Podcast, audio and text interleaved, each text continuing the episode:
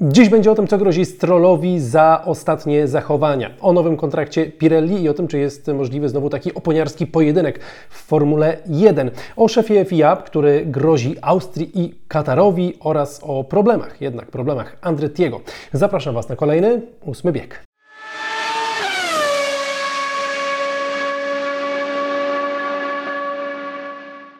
Partnerem ósmego biegu jest wypożyczalnia samochodów Odkryj Auto. Sporo tematów mam e, dzisiaj e, dla Was, więc od razu przechodzimy do e, rzeczy. Zaczynamy od Lansa Strolla, chociaż jeszcze w sumie zanim zacznę, to tylko Wam przypomnę. Sobota, niedziela, włączacie Viaplay, Kacper Sztuka jedzie po zwycięstwo we włoskiej Formule 4. Będziemy mieli tam swojego człowieka, będzie tam na miejscu Paweł Baran. Sporo się będzie działo w mediach społecznościowych Viaplay.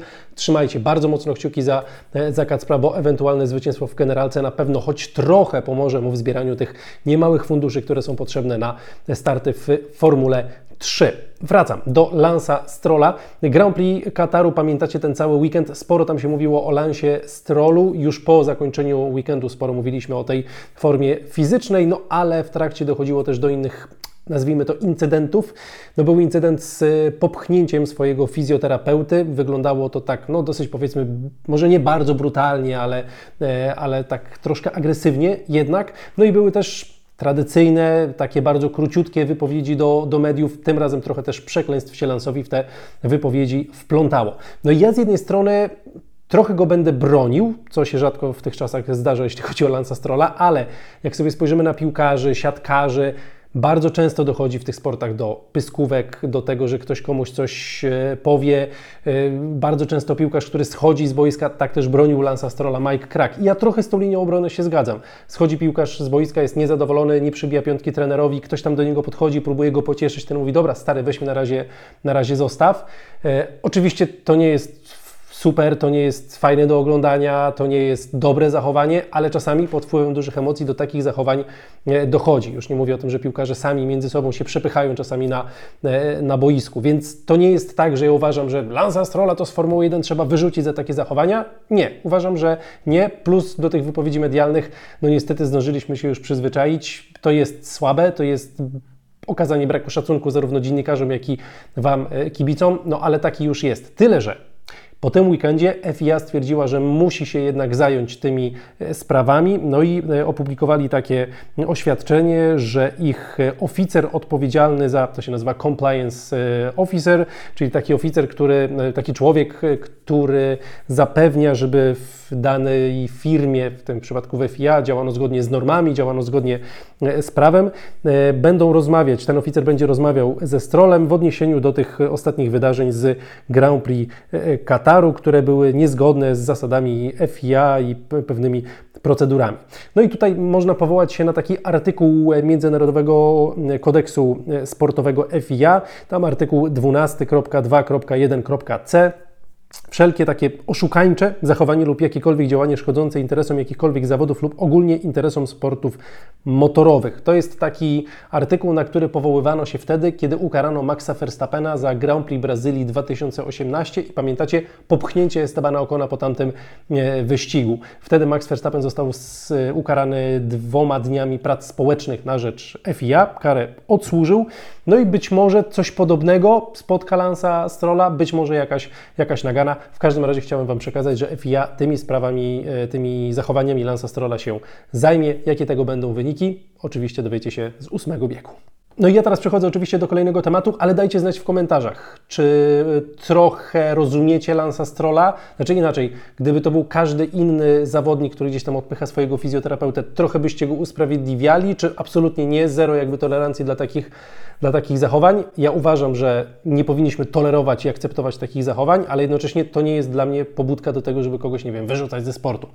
Eee, wskazujmy, że to jest złe, ale też nie przesadzajmy, bo pod wpływem emocji różne rzeczy ludzie e, robią, choć to zachowanie było po prostu złe. Dajcie znać w komentarzach, e, co o tym myślicie, a ja przechodzę do firmy Pirelli, która to idealnie się złożyło. Słaby weekend dla Pirelli w Katarze, ale akurat Pirelli ogłasza przedłużenie kontraktu z Formułą 1 na lata 2025 do 2027 z opcją przedłużenia na 2028, czyli przez ładnych parę lat jeszcze Pirelli w Formule 1 będziemy oglądali.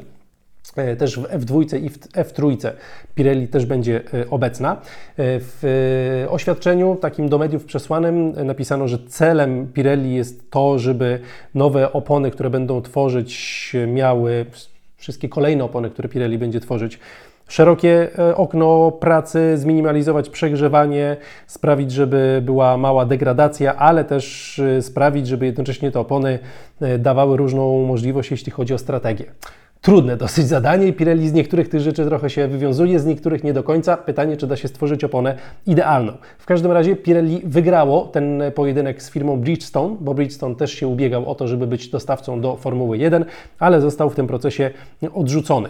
Pojawiają się sugestie w różnych źródłach, że to będzie ostatni kontrakt Pirelli, ten do 2027 albo jeśli przedłużą do 2028, że już Pirelli jakby marketingowo wszystko wykorzysta, co jest do wykorzystania i z tego sportu się już będą e, wycofywać. Mm, I jeszcze taka kwestia co do opon. Stefano Domenicali był pytany w ostatni weekend, czy jest możliwa znowu taka oponiarska wojna w, w Formule 1. Mm, Stefano Domenicali powiedział, że w najbliższej, znaczy, czyli ten taki pojedynek dwóch firm, dwóch dostawców e, opon. Stefano Domenicali powiedział, że w najbliższym czasie tego nie ma w planach, ale kto wie, co będzie dalej i być może jeśli kosztami, jeśli kosztowo i e, jakoś logistycznie to się wszystko będzie zgadzało, to być może takie rozwiązanie kiedyś jest możliwe.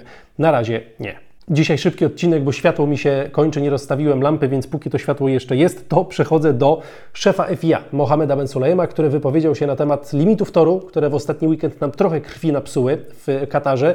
No a wcześniej też pamiętamy Grand Prix Austrii, tam ponad, ponad tysiąc skasowanych czasów, no tam to w ogóle był dramat. No i Mohamed Ben Sulejem powiedział, dołączył do grona osób, przecież w zasadzie wszystkim te limity toru się nie podobają, powiedział, że po prostu trzeba poprawić te tory. Ja wiem, że niektórzy są oporni, niektórzy nie chcą tego robić, ale tego robić, ale szczerze mówiąc, jeśli tego nie będą poprawiać, to Formuła 1 tam po prostu nie będzie przyjeżdżać. Mówię prosto. To jest tak e, bardzo e, łatwe, e, łatwa sytuacja. Nie możemy sobie pozwolić na to, żeby przyjeżdżać na tory, na których takie sytuacje będą się działy. O, więc tutaj włodarze Grand Prix Austrii tam też Red Bull jest dosyć mocno powiązany, więc wątpię, czy oni jakoś się mocno zmartwią tym. Czy włodarze Grand Prix Kataru, którzy wykładają bardzo dużo pieniędzy, też wątpię, że się tym szczególnie jakoś zmartwią. No w każdym razie Mohamed Ben Sulayem powiedział jasno, nie poprawimy tej sytuacji, out z kalendarza. To się raczej nie stanie, no ale Mohamed Ben Sulayem sam jakby zaproponował parę rozwiązań. No, najłatwiej to byłoby sprawić, że wtedy, kiedy wyjeżdżasz z tej idealnej nitki, wyjeżdżasz poza tor, to tam się robi bardzo ślisko. Można też oczywiście pomyśleć o żwirze, ale z tym musimy być ostrożni, bo to pytanie, jak głęboki ten żwir, co z tymi innymi seriami przyjeżdżającymi na te tory. Stała gadka. Można też pomyśleć o wysokich tarkach, mówi Mohamed Ben Sulayem. No, wysokie tarki to były w Katarze, widzieliśmy jak to się e, skończyło. No ale Mohamed Ben Sulayem mówi: hola, hola, przyjaciele, to nie jest tak, że wy teraz sobie będziecie przez parę lat się zastanawiać, co zrobić. Ja Wam mówię, że musimy to szybko zrobić.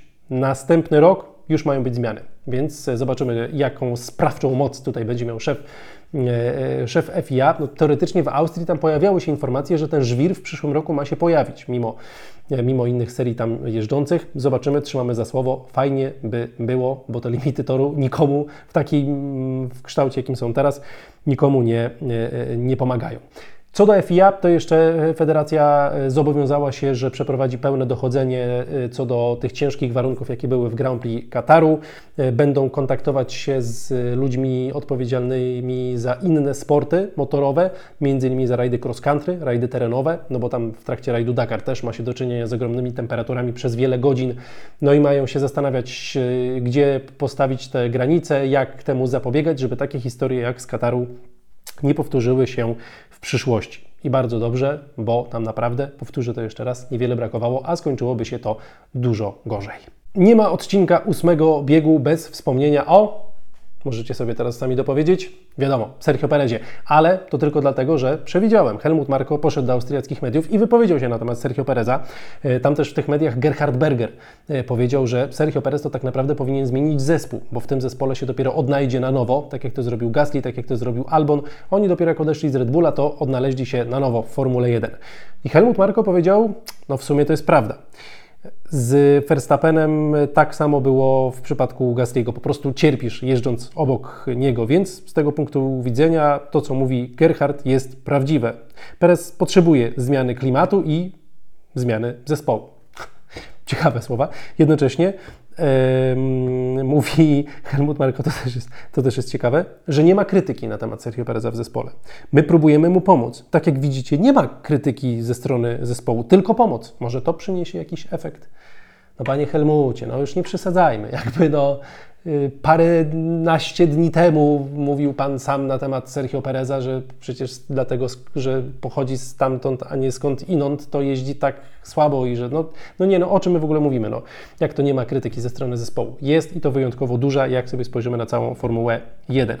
Y, Marko dodał jeszcze, że zespół wie, że Sergio ma kryzys, no i zobaczymy jak się spisze w dwóch najbliższych wyścigach. Ten najbliższy ma być dla niego trudny, bo to weekend sprinterski. Sam tak Helmut Marko y, powiedział. Tyle na temat Pereza zamykam temat. I przechodzę do tematu ekipy Andrettiego, która to czeka na łaskawą decyzję Formuły 1 co do przyszłości tej ekipy. Czy można wejść do skromnych progów Formuły 1, czy też nie? No i pamiętacie, że ekipa Andrettiego miała podpisaną taką wstępną umowę z ekipą Alpin na dostarczanie silników. No ale ta umowa już wygasła. To była umowa bardzo wstępna. No i pan Bruno Famin z Alpin powiedział w motorsport.com, że to był taki kontrakt wstępny z Andrettim, no ale on już wygasł, bo po prostu obowiązywał do pewnej daty, no ale nic się na razie nie wydarzyło, nie, nie ma żadnej decyzji, więc ten kontrakt y, wygasł. To oznacza e, tyle, że jeśli teraz będziemy chcieli znowu robić coś z Andretim, to musimy od nowa wszystko negocjować, będzie trzeba zrobić nowy, formalny e, kontrakt, ale na ten moment nie jesteśmy z nim w żaden sposób związani. No i pytanie, y, jak to będzie wyglądało czasowo, bo są pewne źródła, y, które mówią, że to się przeciągnie do początku przyszłego roku.